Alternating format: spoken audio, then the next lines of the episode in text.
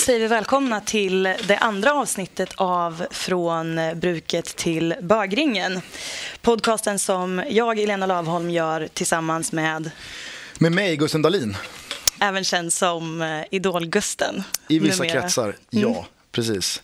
Eh, för hardcore Idol-fans så var jag en betydande del av produktionen 2009. Men det gick vi igenom i förra avsnittet som var premiären. Ja. Det gjorde vi. Vad tyckte du om avsnittet när du lyssnade på det i efterhand? Ja du, jag tyckte väl, eh, jag tyckte att det var trevligt. En del beskrev det som mysigt. Ja, det var, det var de kommentarerna jag blev gladast för. När folk mm. skrev att den var varm och härlig och mysig. Vi får försöka bevara den känslan tycker jag. Mm. Vi, vi, vi, ska säga direkt här att det, det, många har hört av sig och undrat om iTunes, eh, relationen till iTunes. Och eh, jag ska vara väldigt eh, öppen med att, för de som inte vet det, så är att göra en egen podcast och trolla in den på iTunes, det är ganska mäckigt. Det, det, är en mäckig väg att gå, i synnerhet när man som jag inte är bevandrad i RSS-flöden och eh, riktigt tung facklig eh, engelsk eh, tekniklingo. Mm. Så att eh, vi, vi, kan väl säga som så att den kommer finnas på iTunes inom en snar framtid.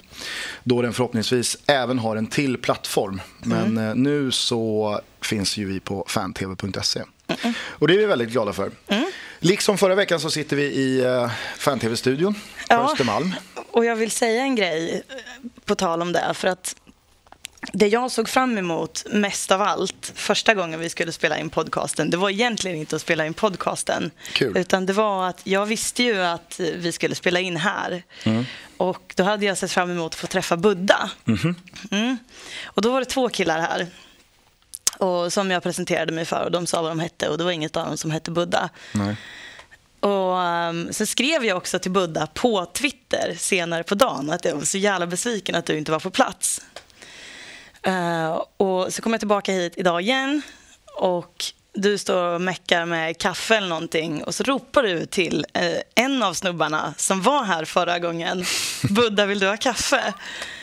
Så jag börjar misstänka att det här är det här är någonting ni har lurat i mig bara, att, eh, att eh, det inte var Buddha. Jag, eh, jag kan inte säga så mycket mer. Du får bedriva dina efterforskningar och utredningar bäst du vill.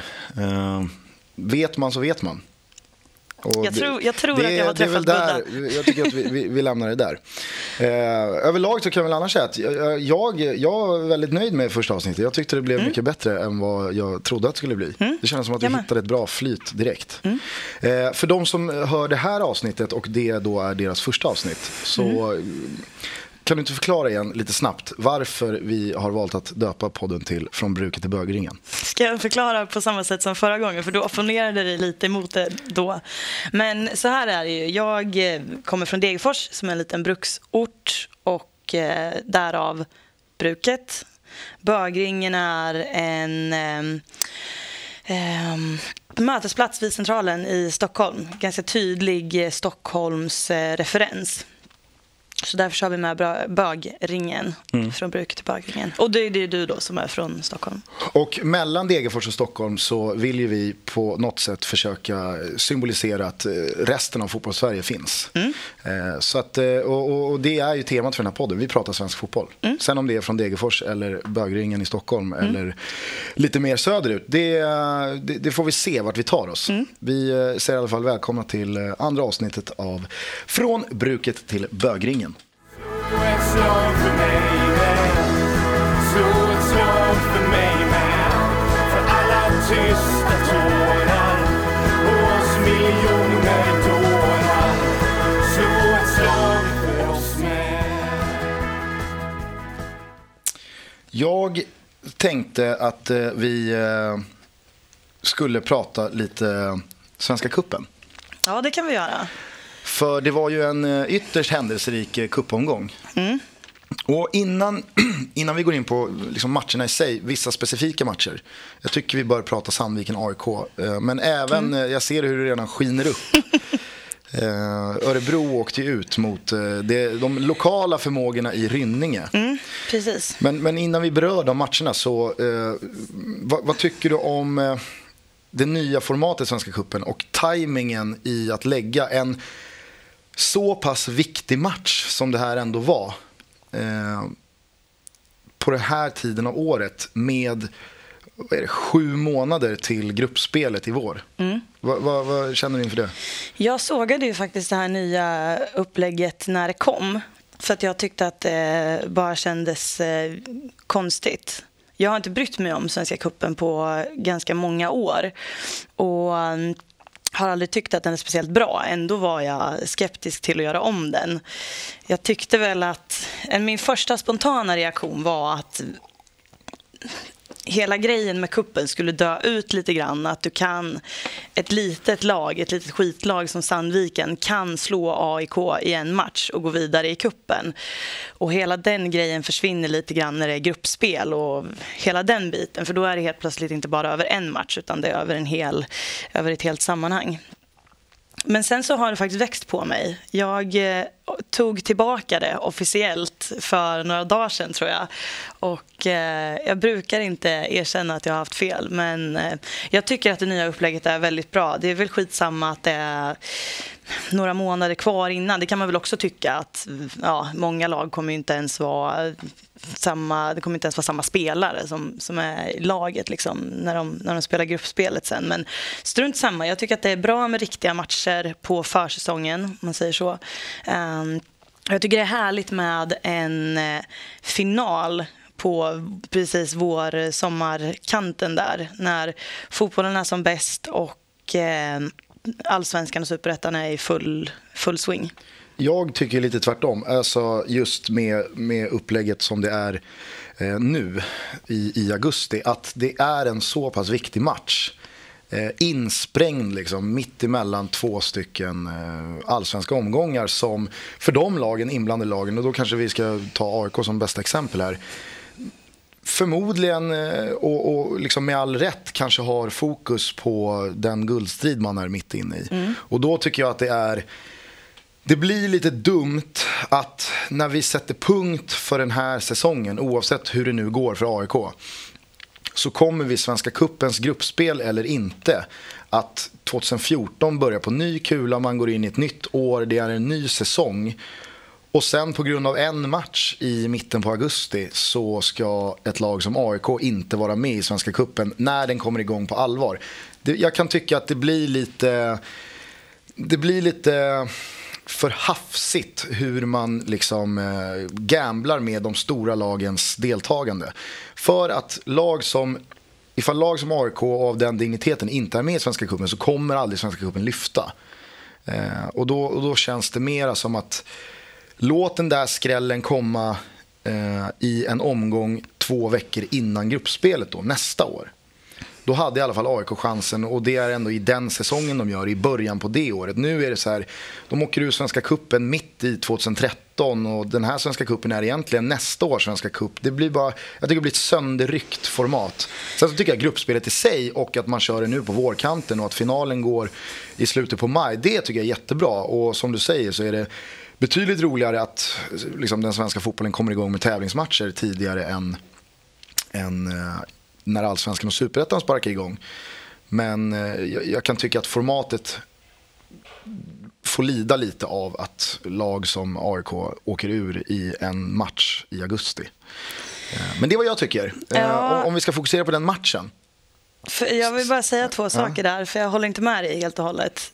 Um, till att börja med så, så är det ju snarare anmärkningsvärt att ett lag som AIK inte kan ta en match mot Sandviken mitt emellan två viktiga omgångar i allsvenskan. Det tycker jag att de ska klara av. De har bredden och de har resurserna. Så att det där köper jag inte riktigt. Och dessutom så känns det ju lite konstigt att man ska göra ett upplägg som är anpassat efter att storlagen ska kunna vara med. Nej, jag säger, inte, jag säger inte att man ska anpassa det efter storlagen. Nej, men du, säger, du, säger, nej, men du säger att kuppen kommer aldrig lyfta om AIK år. inte är med, eller lag som AIK inte är med. Nej, exakt. Kan man, det kan man inte ha som utgångspunkt. Nej, men, Vin, vinner du matcherna så ska du vara med i kuppen. Ja, absolut. Men då hade väl Sandviken kunnat få slå AIK två veckor innan det här gruppspelet. I, i uh, mitten på, eller slutet på februari. Jag förstår inte varför man ska liksom lägga den nu. Vad tjänar man på att lägga den här matchen nu och sen lägga kuppen på is i ett halvår innan gruppspelet i vår? Det är det jag inte förstår. För att... Du menar att man ska ha gruppspel på våren, eller kval på våren och sen gruppspel på våren? Ja, men det här, är väl, det här benämns väl som den andra omgången. Först är det mm. ju en, en liksom omgång där division 3 upp mm. till division 1 mm. kvalar mot varandra mm. för att gå vidare. Vad, vad, som händer med den matchen, eh, liksom, det, det lägger jag inte så stor vikt vid faktiskt. Eh, men varför man spelar den här andra omgången, kvalet till gruppspelet, varför man spelar det nu, fattar jag inte. Men varför inte? För, för att det blir jobbigt för AIK som är mitt i en guldstrid? Eller? Ja, exakt. Och nu, det är verkligen men inga... Om... Nej, men jag, jag, jag, Okej, om vi säger så här. Om Malmö, Göteborg, AIK och eh, Helsingborg mm. alla hade åkt ut för att de fyra lagen eh, väljer att vila lite spelare, med all rätt. Hade Alm ställt över eh, fem, sex, sju nyckelspelare i den här matchen för att det väntar en viktig match mot Halmstad mm. eh, tre dagar senare så hade jag haft full förståelse för det. Det hade ju varit liksom så, ja, men självklart. För liksom, det, det, finns, eh, det finns dels en aspekt som motiverar att Robert, Robert Åman Persson, Moro, eh, Ofori och eh, Patrik Karlgren kan städa av eh, Sandviken. Absolut. Och att man då inte behöver slita på sina liksom, viktigaste och bästa spelare. Men framförallt är det så att eh, hade, säg två spelare gått sönder mot Sandviken och sen inte kunnat vara med mot Halmstad och liksom ett guldjagande lag torskar den matchen.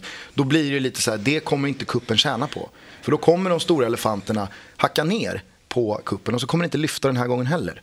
Nej, men då, de kan väl skada sig i vilken match som helst. Jag förstår inte. Och sen så köper jag heller inte riktigt att AIK skulle ha förlorat mot Sandviken. För att, du menar på att det är för att det är tätt mellan matcherna mm. och det blir lite knivigt med laguttagningar och sånt där. Det tror jag inte på heller. Nej, okej. Okay. Vi, vi, vi är rörande överens om att vi eh, inte håller med varandra. Mm. Så mycket kan vi säga.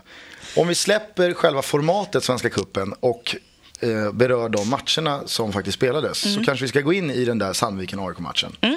Du och många andra uppskattade ju Radio Sandviken. Berätta. Ja, jag skulle säga att jag hörde inte den sändningen. Men eh, jag har fått berättat för mig hur det gick till och de var tydligen superhärliga. Eh, dels så var det en väldigt, väldigt bra sändning utifrån vad folk har sagt. Bättre än vad Radiosporten brukar vara. Det var, liksom, det var kvalitet på det. Men sen så var de ju väldigt öppna med att vi hejar på Sandviken i den här sändningen. Liksom. Eh, hade AIK bollen så var det liksom, ja det är någon AIK-spelare som löper på kanten, typ. Men hade Sandviken bollen på offensiv planhalva då var det bara ett enda vrålande och gormande. Och sen tre minuter senare kunde de säga att ja, det blir mål om ni missade där. Liksom. Det var en så här fläng liksom. Och så var de så här härligt bonniga för att matchbollen kom liksom med en fallskärmshoppare. Och då sa de att ja, det här är vardagsmat nere i Stockholm. Så här är det på AIKs matcher jämt. de, sa, de sa också någonting om AIKs eh, matchställ. Vad var de sa? Ja, AIKs matchställ är en fröjd att se. Riktigt läckert. De tyckte de var så himla fina. Men då måste det här innebära att eh, vi kommer få tre matcher med Radio Sandviken i eh, februari-mars någon gång. Förmodligen. Det är ju det är ju något positivt. Det skulle kunna lyfta kuppen. Mm. Mm. Och i, i Örebro så var det något lokalderby. Ja, kind of. det var det. Eh, Örebro spelade ju mot Rynninge IK. Jag tror att de spelade i division 3. Tvåan, tror jag. Tvåan, ja. Det är i alla fall solklart att eh, Örebro ska vinna den matchen. Och jag skrev ju på Twitter före den matchen att jag bjussar hela Rynninge IK på bankett om ni spöar ÖSK, slår ut dem ur kuppen. Och det var inget hån mot Rynninge, liksom, att ja, om ni klarar det, liksom, då får, ja, det var inte så, utan det var ett uttryck för mitt, mitt, mitt ogillande av AIK. ÖSK, mm. herregud. Um, och sen så gjorde de ju det också.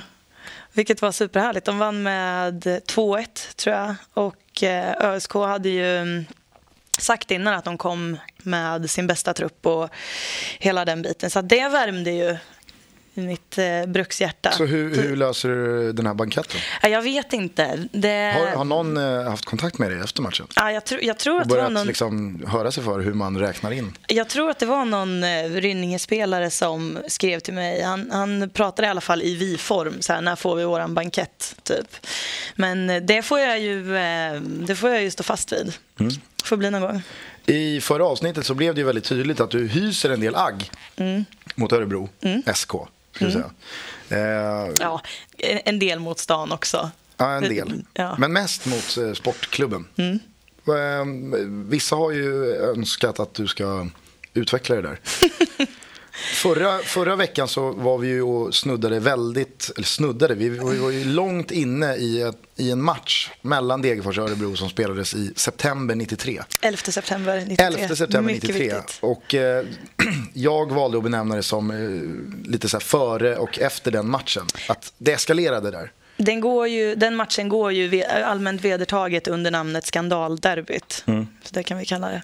Men du är, du är väldigt, eh, väldigt öppen med ditt ogillande ja, ja. av Örebro. Ja, herregud. Alltså, det är ju inte bara Degerfors historia med Örebro som gör att jag har svårt för dem. Utan de står för väldigt mycket som jag ogillar med fotboll. De var väldigt tidiga med konstgräs. De var väldigt tidiga med att sälja ut arenanamnet. De säger att de ska satsa på sin ungdomsverksamhet och samma år köper de spelare för 10 miljoner. Liksom. Det är mycket sånt där som, ehm, som jag har svårt för. De har liksom så här fina, fina lounger och någon jävla restaurang liksom på arenan där. Jag, eh, jag har, eh, det ligger alldeles för långt ifrån min typ av, den typen av fotboll som jag har växt upp med. Så. Men på, på, om, man, om man radar upp alla Degerfors-supportrar i, i det här landet mm. Eh, så kanske inte den kön blir jättelång. Men eh, är det, liksom, är det här en konsensus som råder bland alla eller är du mer åt det liksom extrema hållet i östkottet eller är det här rotat bland alla som håller på Degerfors? Det här är rotat bland alla som Så håller du, på Degerfors. Du, du Men jag du är, är egentligen som en... Liksom, jag alltså, är du, the average du är taleskvinna Degerfors. för eh, ja, ja. gemene man. Ja, gemene Degerforsare. Ja, det är jag. Men jag kanske är lite mer aktiv. Jag kanske lite mer aktivt hatar dem än vad alla andra gör. Jag inte. Och eh, förra veckan så, så, så, så, sa vi att du skulle dela ut eh, eh, epitetet veckans öskåre. Ja, som då det. inte är någon, det är ingen kul titel att få. Nej, det, det är, är inte matchens lirare liksom. Det är, nej, men det är precis tvärtom. Det är mm. synonymt med veckans idiot. Vi missade det, missade där vi. I, i förra avsnittet. Så du kanske ska göra det nu så att vi inte glömmer det den här veckan också? Ska jag göra det på en gång? Ja. Ja, det kan jag väl göra. Då ska vi säga, det var ju så här när vi satt och planerade den här podcasten och eh, skulle bestämma lite hur, det skulle, hur vi skulle ha upplägget och sådär så eh, kom ju du på att den här podcasten skulle heta Från bruket till bögringen. Så var det. Mm. Och innan det så hade ju jag ett namnförslag. Som, det var inte lika bra, det, det medger jag men jag vill ändå vidhålla att det var någonstans det var mer kreativt kan vi säga. och jag tyckte att det var roligt.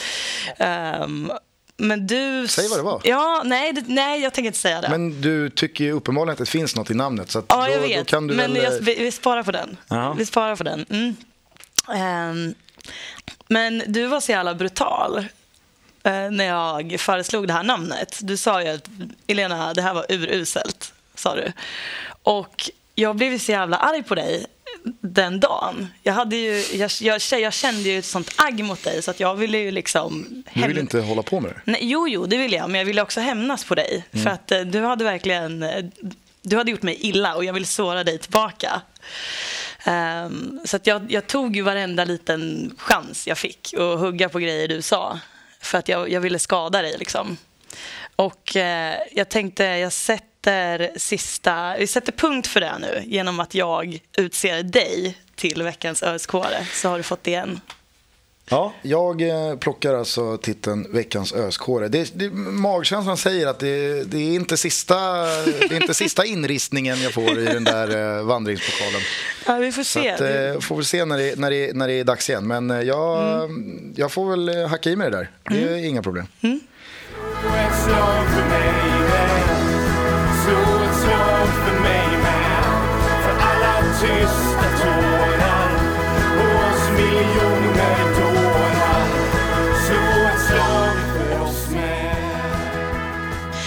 Men du har ju faktiskt varit i eh, Malmö. Ja, jag var i Malmö i eh, går, eller åkte ner eh, redan i lördags kväll. Och eh, slogs än en gång av att eh, eh, nästan alla städer i det här landet eh, dör kring Sportnytt. Strax mm. efter tio mm. så är det liksom... Då, då är det ingen kvar ute på stan. vi, eh, vi, kom, vi kom till hotellet vid strax efter elva och mm. Eh, min kollega blev... Han, han fick någon hänga på att han var bestämt tvungen att ha lite godis mm. att äta till ett Breaking Bad-avsnitt han skulle se. Mm. Så då äh, hängde jag med honom ut. Äh, för, alltså, i jakt på lite godis. Som man kan köpa i en Pressbyrå eller 7-Eleven eller ja, var som helst. Och vi bodde alltså kanske 200-300 meter från centralstation. Nu ska inte jag säga, jag är ingen Malmökännare och det kan ju vara så att centralstationen i Malmö ligger helt åt helvete uh, sett till stan. Men det borde den ju inte göra. Det låter ju på det namnet låter som att den ligger som hyfsat centralt. Ska ligga, ja, precis. Och eh, vi gick alltså i eh, 25 minuter. eh, liksom, vi gick mot där man trodde att pulsen fanns. Mm. Och det kändes som att vi var, liksom, vi var ganska nära där det hände. Fast ingenting hände ju. Mm. Eh, och det var totalt bommat överallt. Eh, men till slut så hittade vi en liten eh, en liten obskyr eh, kiosk bakom eh, glasjalusier i en eh, underjordsgång. Eh, där vi kunde köpa lite där vi kunde köpa lite godis. Men eh, nej, det, det, var, det var första intrycket av Malmö i alla fall som jag fick nu i helgen. Men sen så det, var det ju... låter ju lite suspekt att du har köpt godis under jord i Malmö dessutom. Ja. Det måste jag säga. Men det här var en lördag ändå. Ja, det är en lördag. Ja. Lönings, löningslördag. Mm. Det är... Underbetyg till eh, Malmö får man säga. Ja, faktiskt. Men stan eh, studsade tillbaks dagen efter, igår. Mm. När vi eh, sände matchdag på fan-tv och Svenska fans. Där vi ramade in Malmö FF mot IFK Göteborg på mm. en krog där nere. Och eh, som av en händelse, en riktig slump, så fick vi med oss både Labinot Harbutsi. Mm. Eh, den gamla eh, vad säger man, irrationella yttern mm. på Malmös mittfält eh, för eh, tre, fyra år sedan. Mm. Fem kanske. Eh, och sen så kom eh, Mats Masse Magnusson in och satt med oss i 45 minuter. Och det tyckte jag var stort. Men eh, jag slogs än en gång av insikten om att liksom, en fotbollsspelare dör verkligen efter sin karriär. Mm. Han, ska vi komma ihåg, gjorde alltså 33 mål på 31 matcher under en ligasäsong i Benfica. Mm. Som på den här tiden var, det var ju, liksom, det var ju, det var ju en riktig storspelare mm. på, på den stora scenen Benfica. Eh, och han skulle ha vunnit eh, den europeiska guldskon som bäste målskytt i de europeiska högsta ligorna. Men av någon märklig anledning så lyckades eh, Risto Stoichkov, den gamla måltjuven från Bulgarien, peta in sex mål i sin sista ligamatch. Och känslan är väl att det kanske var lite pengar under eh, bordet där för att han skulle knipa den titeln. Eh, så att han, Mats Magnusson vann ju aldrig den här guldskon. Men det förtar inte att det var, alltså, liksom, det, det, är inte många som kan, eh, som kan bräcka det där. Nej. Hans målfacit och hans meriter. Men då när han, när han var med då, i, i sändningen så, så var han ju liksom 23 år äldre. Eh, och, och allt var liksom borta. Mm -hmm. Och han satt och, och, försökte minnas att han, liksom, hur det var att spela mot Göteborg. Men nej, mm. det, det, var liksom, det, var, det var tomt. Finns det eh, någon slags mörker i det här? Ja, det, var, det, var, det gjorde liksom lite ont att fan, försvinner det där? Mm.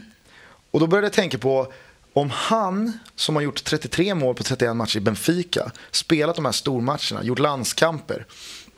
Om han, 23 år senare, liksom har svårt att minnas det där eller svårt att prata om det, beskriva det. Då börjar jag noja lite över hur fan jävla innehållslöst mitt minne kommer vara om 23 år. För det är inte så att jag har sprungit runt på något fullsatt eh, Stadio da Luz i, i, eh, i eh, Lissabon och, och nätat i portugisiska ligan. Jag har ju gjort mina matcher på Spånga IP liksom. Och om, om, om, om nu Masse är någon slags utsnitt för hur det blir för alla, då kommer ju mitt minne om 23 år vara jävligt mörkt. Ja, fast vilken tur då att du har en podcast där du spelar in såna här saker. För då kan vi ta ett litet segment om din tränar, eh, tränarvardag i eh, Bele Barkarby, eller vad heter det? Nej, Bollstanäs SK. Jag har spelat Bollsta. i Bele Barkarby. Ja, så var det ja. Just mm. det. Mm. Eh, fast nej, det tycker jag inte. Nej, men då får, du, då, ja, då får du skylla dig själv om du sitter där om 23 år. Don't say I didn't ask.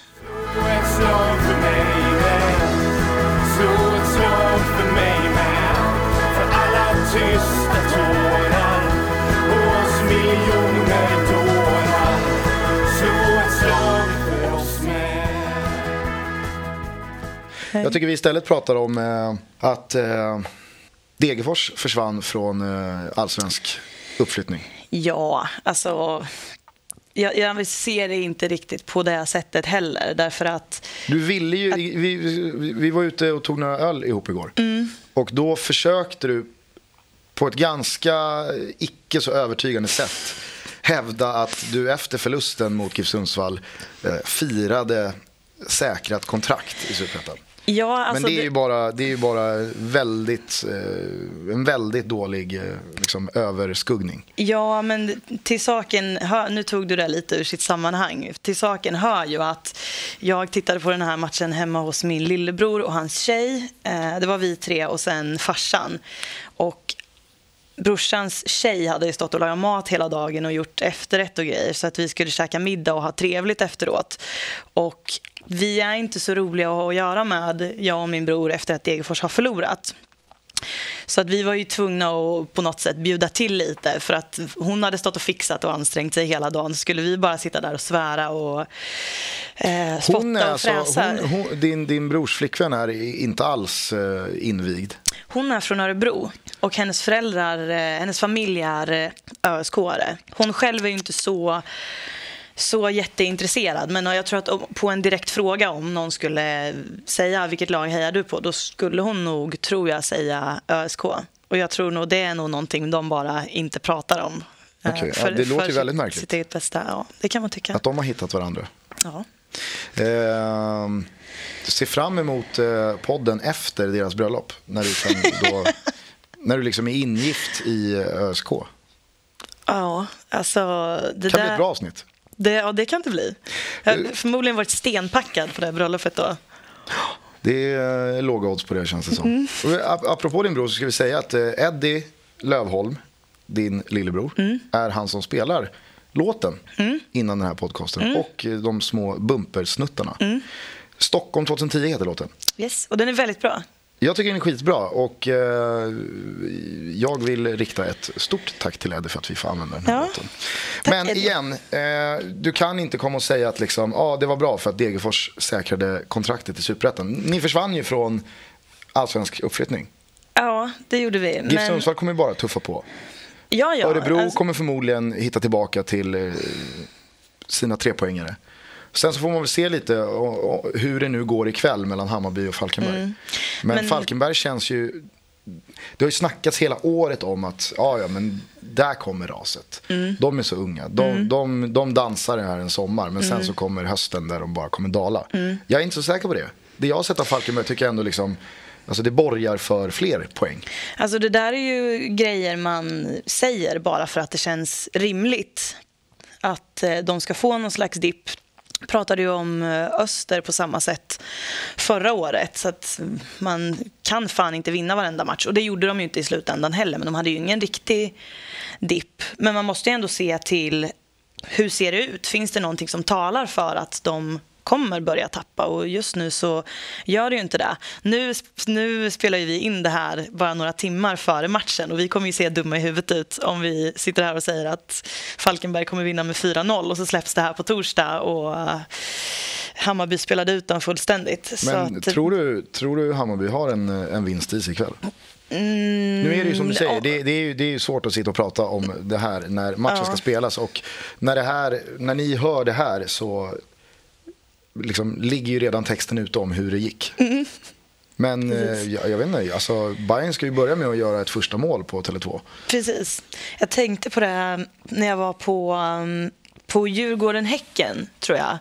För att det blir ju ett sånt satans tryck på den där arenan mm. när det verkligen tar sig. Framförallt Djurgården när de kör sina växelramser. Det blir det är helt sanslöst. Det är ju idag, 26 augusti, en månad kvar till mm -hmm. Stockholmsderbyt. Äh, jag, ser, jag ser fram emot den matchen så mycket. Ja. Så att eh, jag knappt vet vart jag ska ta mm. vägen. Det är inte klokt. Ja, men och då tänkte jag på det faktiskt. Att eh, Hammarbyarna har ju faktiskt inte fått uppleva vad som händer på den där arenan när det blir eh, hemmamål. Nej. För det är... Man unnade dem verkligen ett mål i eh, första matchen mot ÖIS. Mm. När det ändå var 29 000 där. Mm. Eh, för det kommer ju dröja innan det är en sån siffra igen. Mm. Eh, så att, ja, jag förstår verkligen vad du menar. Och det var ju på väg där i ett par gånger. Ja. Men eh, Chi fick dem. Och de står ju där på, på, på noll gjorda mål. Och vi, vi pratade ju förra veckan ganska mycket om att liksom, det finns monumentala fel i Bayern. Mm. Eh, men även att eh, det är för många som verkar tro att det bara ska lösa sig av sig självt. Mm. Uh, nu känns det som att man uh, återigen står inför en match där folk liksom, ja uh, men vinner vi idag så då kan det gå. Mm. Uh, det låter ju lite sådär... Vinner inte Bayern ikväll, då, då, då, då finns det inte. Det då är det bara liksom, då är det över. Då är det Fast slut. Jag tycker ju att det redan är över. Alltså vi, ja, det har jag vi har ju redan, juni. Ja, men exakt. Vi har ju redan passerat den gränsen. Sen säger man ju gärna det ganska många gånger om att ja, men den här matchen den kommer liksom vara talande för hur det går. Förlorar de den, då är det kört. Vinner de den, ja, då kanske de trummar på, vinner 5-6 i rad och är med där uppe. Men eh, det tycker jag väl inte känns så vidare sannolikt.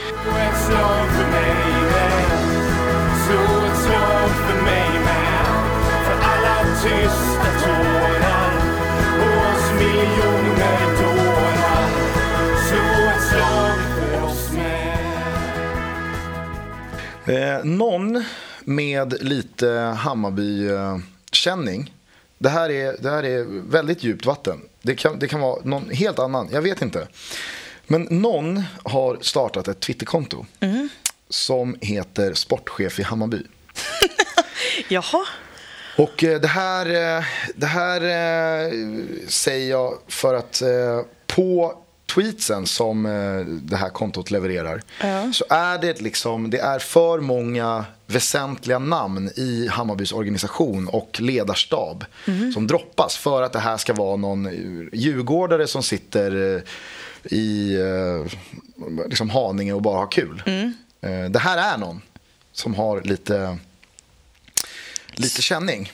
Sportchef i Hammarby. Sportchef i Hammarby heter Twitterkontot. Och det är helt fantastiskt. Jag har följt det här nu i fem sex dagar. Ja. Det, är alltså, det är så subtilt kul. För det är inte överdrivet. Och det är liksom ja. inte så här, alltså, så här, 19 timmar sedan kom det en tweet. Vi är på rätt väg. Va, vad exakt i det här är det som, som gör att du tror att det inte är bara vem som helst som som sitter och twittrar? Därför att eh, i tweets så finns det referenser till eh, Kefa på sälj. Mm. Och liksom, han som jobbar med sälj inom Hammarby, han heter Kefa. Mm. Eh, Micke Klotz, massören nämns. Det är, liksom, det är någonting som säger mig att det här är en Hammarbyare. En, en, person som jobbar, som, jobbar i Som jobbar inom föreningen. Eller i alla fall har väldigt, väldigt liksom, bra insyn och tajta band. Mm. Det är bara en känsla jag har. Och eh, jag, om, om, om ni vill dela min, min uh, åsikt eller kanske slå hål på den så heter Twitterkontot sportchef i Hammarby. Jag trycker follow här så, så får vi se. Vi kan följa upp det kanske mm. nästa avsnitt.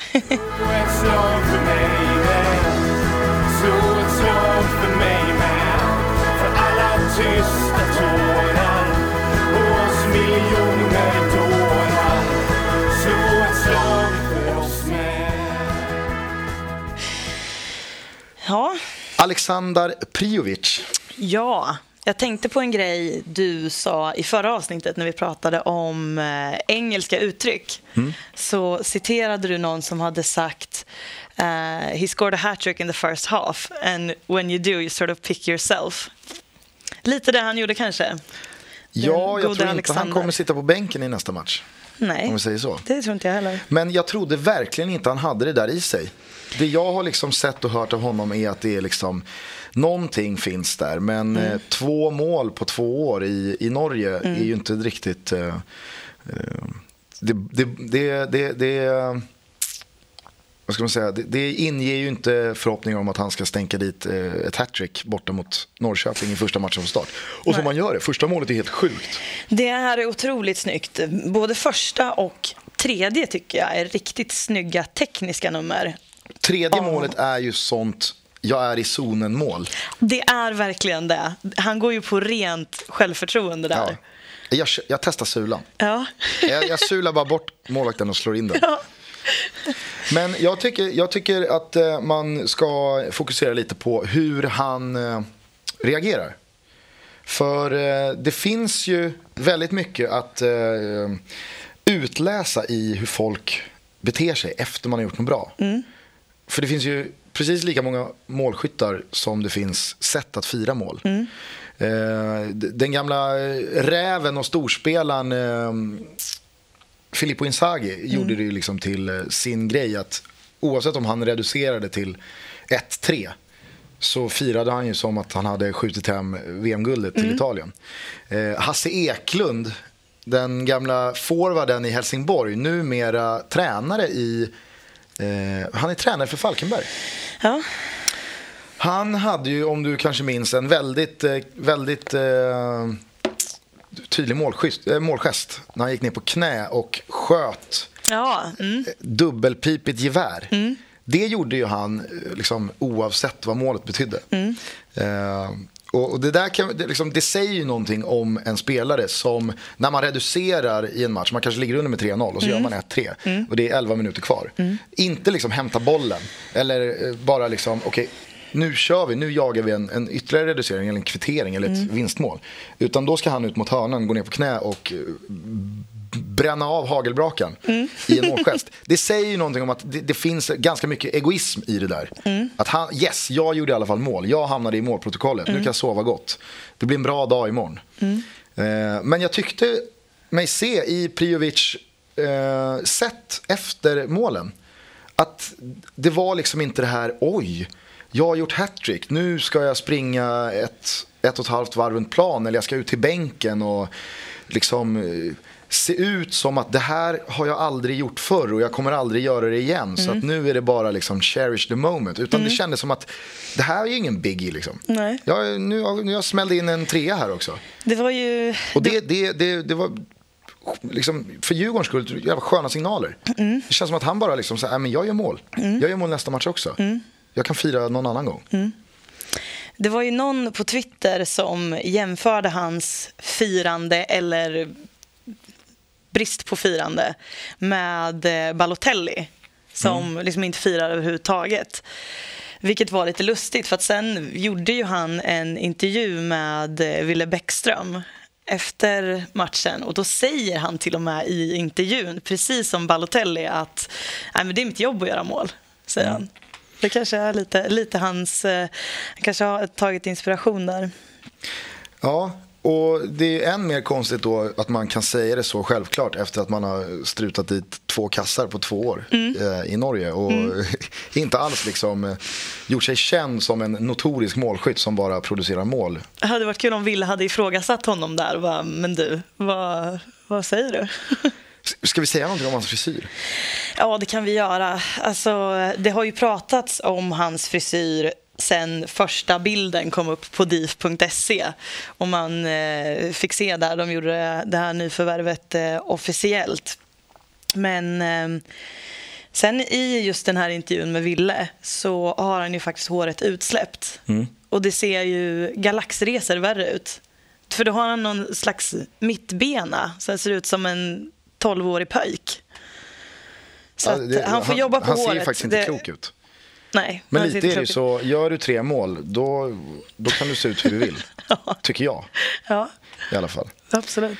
Nej, jag, jag tror att eh, Priovic, eh, han... Eh, det, det, var ju inte någon frälsare. Eh, liksom, här kommer räddningen när Nej. han flögs in.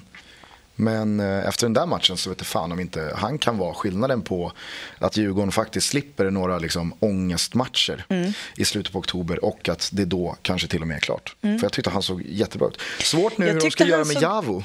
Ja, mm, ja. Vad, vad, vad tror du de kommer göra där? Inte en aning. Alltså, För Javo har det... ju ändå under året någonstans liksom gått förbi Erton prestationsmässigt. Ja, oh ja. Eh, och hela tid, alltså över hela året liksom gjort det bra. Sen har han inte öst in mål. Jag tror han ligger på en sex mål eller något. Mm. Eh, så det, det, har inte, det har inte haglat mål eller poäng bara från Javos sida. Men det känns som att supportrarna liksom nio av tio supportrar tycker att Javo har varit bättre än Erton i år. Mm. Men Högmo eh, har ju varit väldigt tydlig här nu med vem som går först av Erton och Javo. Mm. Sen så har ju Erton en lite mer droppande roll och spelar väl lite mera bakom liksom. Mm. Javo då, Priovic nu. Mm. Men den här lagkaptensbinden som sitter på Erton i mm. Adde Johanssons frånvaro tyder ju också på att Erton ska ingenstans från någon startelva. Men jag tror att det kan, vara, det kan nog bli tufft eh, för dem att inte spela Javo. Mm. För det är nog en spelare Djurgården behöver i de här avslutande nio matcherna.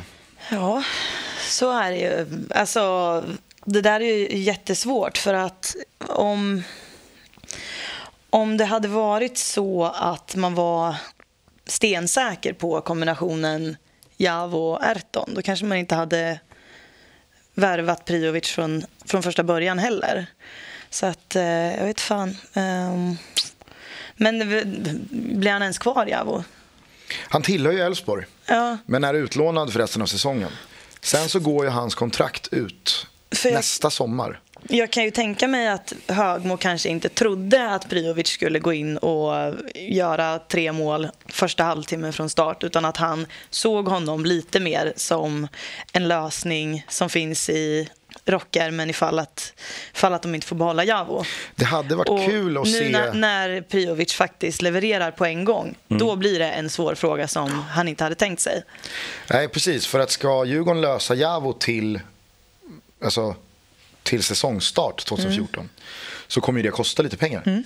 Och känner man då att man har Priovic och att man kanske inte riktigt behöver mm. Eh, en, en Javo så um, kan det bli lite eh, halvknepigt. Precis. Mm. Men jag sa, det hade varit kul att se en, eh, en, en kamera på Javo mm.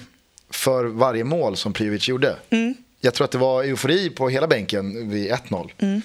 Sen är 2-0, då tror jag han börjar bli lite så här tudelad. Fan, mm. det där är ju liksom, det där är min tröja. Och när trean kommer, då, då, då fan alltså. Jag, jag, exakt, jag tror han kände så här, nej, skönt med mål, skönt med poäng, men uh, nu, uh, nu blir det U21.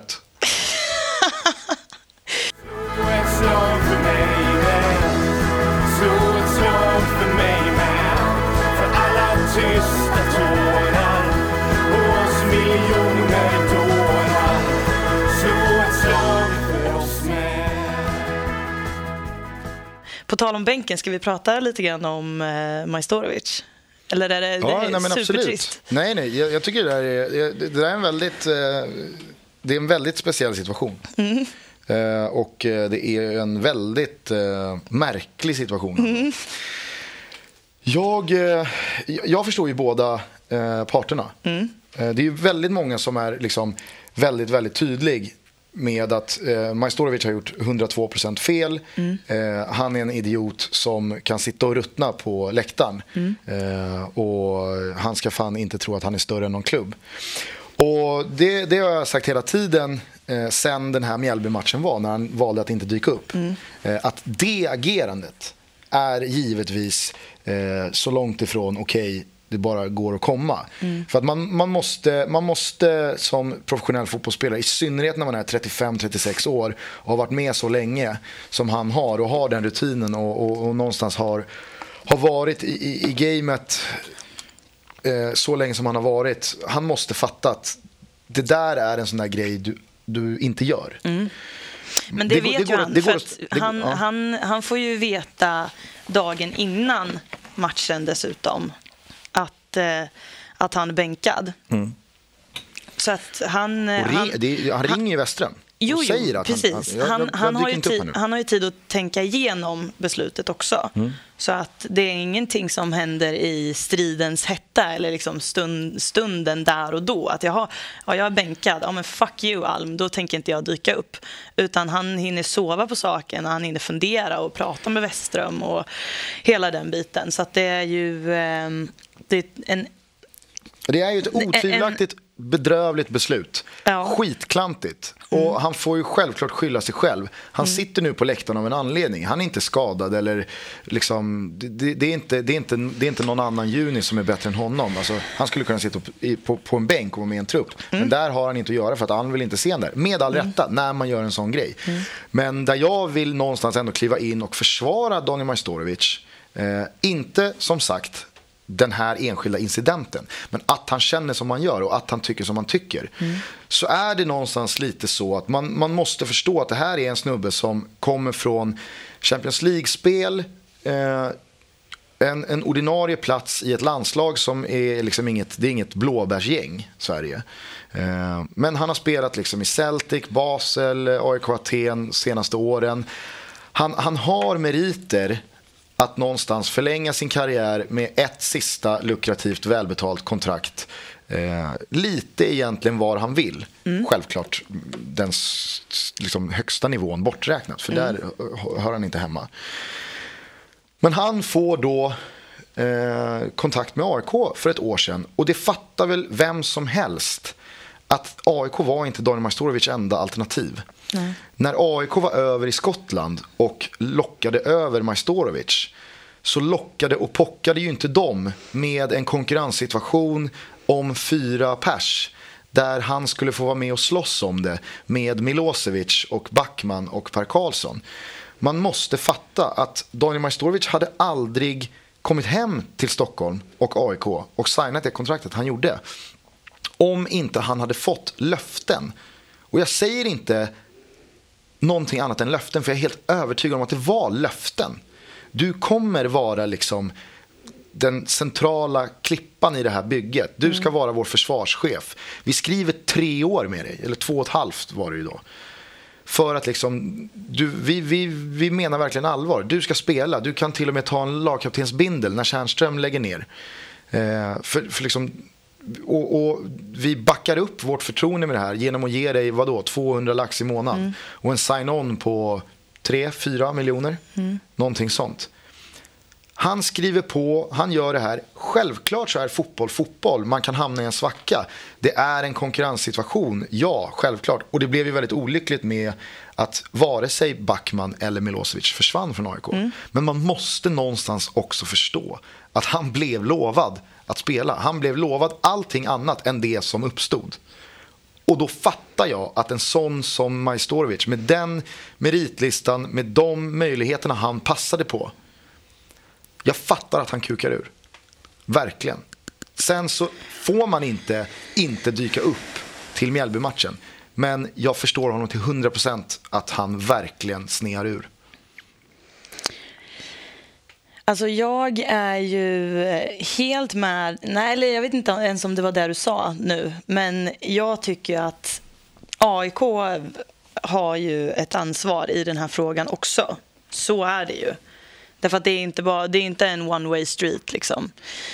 Eh, så att det, det är någonstans i, i eh, det här händelseförloppet så har ju AIK klantat sig också. Så är det ju. Men jag säger inte att AIK har agerat fel. Ja, fast det, det, är ju, det är ju en lite dum, det är en liten dum eh, värvning. Är det, det är en jättedum på, värvning. På, att lägga de, de pengarna på absolut. den här spelaren. Absolut. Det är ju sanslöst. Men, men, jag, jag vill men- bara, men- får jag bara poängtera en grej här? Ja, men det, det går fort. Jag, jag, tycker inte, jag tycker inte, Andreas Alm har inte gjort något fel överhuvudtaget. Han är en tränare som har en uppgift och det är att sätta tre poäng på AIKs konto efter varje match. Mm. Om han då liksom tycker att, och det, det var ju ganska uppenbart också, det funkar ju bättre med Milosevic Per Karlsson. Mm. Eh, och Backman kanske till och med är ett bättre alternativ än Majstorovic. Mm. Och då ska ju Andreas Alm till slut eh, spela laget ut efter de premisserna. Mm. Så det är inte Andreas Alm fel, Alms fel. Men jag förstår Daniel Majstorovic, att Mm. han, han måste vara så jävla förbannad på hur det har blivit. Ja, men eh, Majstorovic har ju signalerat att han inte har varit nöjd med relationen till Andreas Alm. Att de inte har haft någon bra dialog. Och det är klart att eh, Alm ska prata med spelarna som bänkas så att de förstår. Men är det så att han inte gör det på ett sätt som Daniel Majstorovic är nöjd med, då får ju faktiskt Daniel prata med Andreas. Och på samma sätt så måste han ha sinnesnärvaro nog att förstå att i den här världen så finns det inga löften. Även om det är så att de faktiskt säger orden Även fast- rakt ut. även jag fast de lovar. lovade honom. Ja, men även om de har lovat så måste han ju Vilket de har. veta. Vilket de har. Ja, men de kanske säger att de har det då. De, de säger Ja, men du här. måste du- köpa att de har lovat honom. Du, du måste, jag ju måste, fatta det, det. det måste jag inte. Det måste jag absolut inte. Men det är inte osannolikt. Jag säger inte att det inte är så. Det kan mycket väl vara så. Men han, han har ju varit med så länge så att han vet ju spelets regler.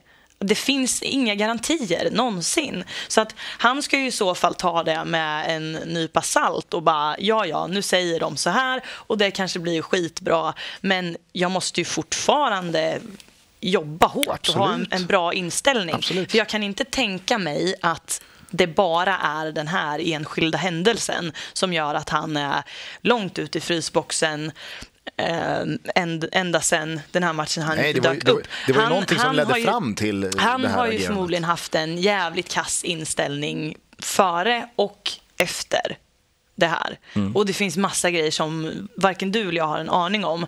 Men, Som alltid. Ja, men precis. Och då, då tror jag väl någonstans att det här var... Ja, det här kanske var Alms ursäkt att få skuffa ut honom, för att det blev inget bra. Och eh, jag är ganska övertygad om att AIK vill att han ska lämna eh, och bryta sitt kontrakt. Eh, Det verkar jag inte ha några planer på att göra. Men... Problemet är ju bara att det ska ju till någon köpeglad shejk av eh, liksom mentala hälsoproblem mått Mm. mätt för att hitta någon som är villig att lösa Majstorovic från det här kontraktet. Ja, ja. För det där är menar, en eh, ekvation som man inte får ihop för att det ska vara, det ska vara ett lag Det är inte som... året ut, han har kontrakt över hela 2014. Ja, jag vet, jag vet. Det ska ju vara någon som ett, har råd och två, vill ha honom. Och, Och det- några sådana klubbar finns det ju inte som har båda de två kriterierna. Finns ju åtminstone inte i Sverige.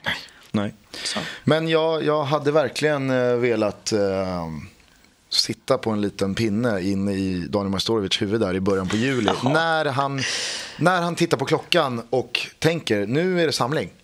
Och jag är här hemma i Sollentuna och eh, har det gött. Eh, jag, jag skulle verkligen vilja veta vad, vad hans, vad, hur hans scenario såg ut. Hur trodde han att det skulle bli? Trodde han att det här kommer leda till en plats i startelvan nästa match? Trodde han på allvar det? Jag vet inte. Kan Ja. man ens tro det? Nej, alltså jag tror ju att han någonstans kanske tänkte han, han hade kanske någon tanke från början med vad det här skulle leda till. Att de kanske skulle släppa honom eller någonting. Men jag tror också att han efter ett tag kom på sig själv med att han har satt igång någonting som han inte riktigt vet vart han är på väg med. Liksom att oj, hur blev det här nu då? Vad, vad ska jag? Och sen var han liksom bara tvungen att fortsätta köra på den linjen. Att han var så jävla missnöjd med AIK och allt vad det nu var. Liksom. Så, uh, ja. Hur, hur, hur tror du det slutar? Är han AIK nästa år? Jag tror att de någonstans har kommit överens om att nu, eh, nu agerar vi, AIK, som att du är uttagningsbar och så låtsas vi det. Och eh, du säger att du vill vara kvar i AIK. Och eh, bakom stängda dörrar så jobbar vi för att du inte ska behöva vara kvar. Det är vad jag tror. Men jag vet inte. Vad tror du? Eh, jag tror faktiskt att han kommer sitta av hela kontraktet. Och som du, upprätthålla någon slags fasad mm. i symbios med AIK som alla egentligen vet bara är mm. bullshit. Liksom. Mm. Eh, för jag, jag, ser inte, jag ser inte någon klubb eh, lyfta de pengarna för att lossa en sån spelare. Med en så pass svår skada i liksom, den, den, den senaste en, en, en, en, så svår skada så tätt in på uh, det som har hänt. Fan, vad säger jag?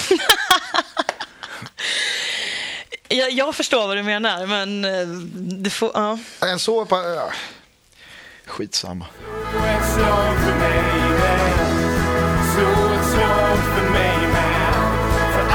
tysta tårar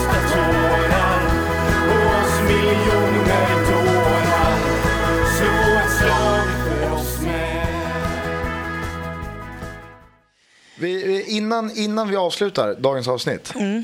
Du, har du något mer förresten som du skulle vilja prata om? Jag skulle egentligen vilja prata om eh, Bayerns polisnoter. Nu, vi har pratat mycket om Bayern redan, mm. men eh, deras eh, polisnota, man, man har ju tyckt både det ena och det andra om den här härvan. Så att vi behöver väl kanske inte eh, tycka så mycket om polisnoterna i sig. Vi kan ju bara konstatera att de ganska eh, godtyckligt sätter sina belopp liksom, som de fakturerar. Mm.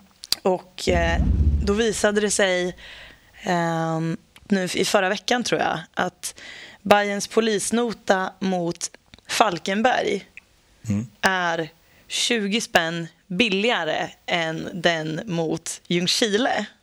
Och jag skulle vilja se uträkningen. Vad är, vad är det 20-lappen diffar på? Liksom? Är jag helt felinformerad om eh, jag säger att det rör sig om 88 000? Det är någonting på 88 400 någonting tror jag. Ja. Det kan vara att det är 420 och att den var på 88 000 Men det diffar, 440. Alltså, det diffar 20 spänn mellan Falkenberg det och Det diffar 20 spänn, exakt. Och Vad jag, tror du att det är? Jag fick några sköna förslag på Twitter, typ att någon av, eh, någon av poliserna är eh, så allergisk så att han får inga bullar eller någonting. Um, men eh, alltså, egentligen så tror man ju ingenting vid det här laget utan man tar det ju bara som en bekräftelse på att de inte riktigt vet vad de gör. Nej, de kanske vill få den där 20-lappen att framstå som, titta, vi tar de här beräkningarna så jävla allvarligt att vi sätter ingen liksom, standardsumma. Nej. Utan vi sätter oss verkligen och räknar ut punkt för punkt vad som kostar. Ja, om, och så, om så råkar det bara bli 20 kronors skillnad. Men titta, vi gör faktiskt vårt jobb på detaljnivå. Om de ville visa det så hade de ju visat specifikationer också. Vilket mm. de ju är ganska ovilliga att, att göra. Ja, de är, väl, eh, de är väl svårare att få tag i än liksom 9-11 eh, utredningen. Ja, du får ju sätta typ Edward Snowden på, på fram. Vi kanske ska ge Snowden eh, asyl ja. för att knäcka polisnoterna i, i Stockholm. Alltså, var du, de här jävla pengarna kommer ifrån. Jag tror att vi har någonting där mm. faktiskt. Ska vi nöja oss?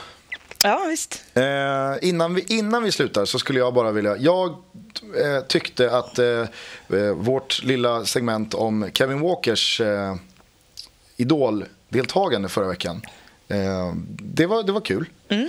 Eh, men jag, jag fick lite dåligt samvete gentemot Christophe Lallé. Eh, hur, han, alltså hur, hur, hur han framställdes. Det kändes som att vi hackade lite på honom i onödan. Mm. Eh, för det är fan inte han som har sagt Idol. Nej, det är Kevin det är Walker. Och, eh, jag, jag, vi behöver inte ge Lalén någon så här jätteupprättelse i en minut. Men, du, för du gillar ju honom. Ja, ja, oh ja. Mm. Ja, det framgick ja. inte i förra avsnittet. Men jag gud, jag tycker jättemycket om Kristoffer eh, Lallé. Han, eh, han spelade ju Degerfors förut så att jag känner ju honom lite grann. Och min pappa är ju faktiskt hans sångpedagog så att det blev ju indirekt en liten känga på farsan där också. Men eh, nej, men jag gillar Kristoffer Allé. Herregud, han är en av de trevligaste människorna man någonsin kommer träffa i sitt liv. Alltså han är topp fem liksom. Så att eh, där, det får jag säga om du lyssnar Kristoff. Det är Majstorovic med på den där topp fem.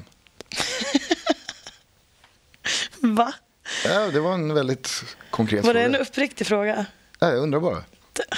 Han är nog inte med på min topp fem. Nej, han är inte med på min topp fem heller. Eh, Lalé är med på Elenas topp 5 över trevligaste människor någonsin. Inte Dajmar Majstorovic. Ikväll spelar Bayern mot Falkenberg. Och eh, det kommer förmodligen hända en jävla massa annat. Tills vi sitter här och pratar om svensk fotboll igen. Mm. Vi har en mejladress. Precis, fbtbpodd.gmail.com kan man eh, mejla till om man, vill, om man har någonting på hjärtat. Vad Precis. som helst. Och är det svårt att komma ihåg FBTB så är ju det, det är begynnelsebokstäverna i de fyra orden som utgör namnet på den här podcasten. Det är också vår hashtag, FBTB. Precis, jag var inne och kollade lite. Eh, Ja, vi har ju hijackat någon annans. Ja, det är Ja. någon eh, arabisk vår på den där eh, podcasten, eller på den där hashtaggen. Ja. Det är, det verkar vara någonting jävligt eh, känsligt. Många utropstecken som florerar under den där eh, hashtaggen. Alltså, Men eh, det får vi styra upp. ja, det får Det vi får vi styra upp. Eh, vi eh, hörs igen nästa vecka. Det gör vi. Då är nog jag eh, utomlands. Men, Jaha, eh, hur löser vi det här då? Vi får se. Vi får se. Men eh, podcasten ska ingenstans. Jag kan garantera ett tredje avsnitt nästa torsdag. Eh, vill avsluta? Tack så hemskt mycket för att ni lyssnar och för att ni hör av er och eh, säger snälla rara saker till oss. Vi blir jätteglada. Hej då! Ciao!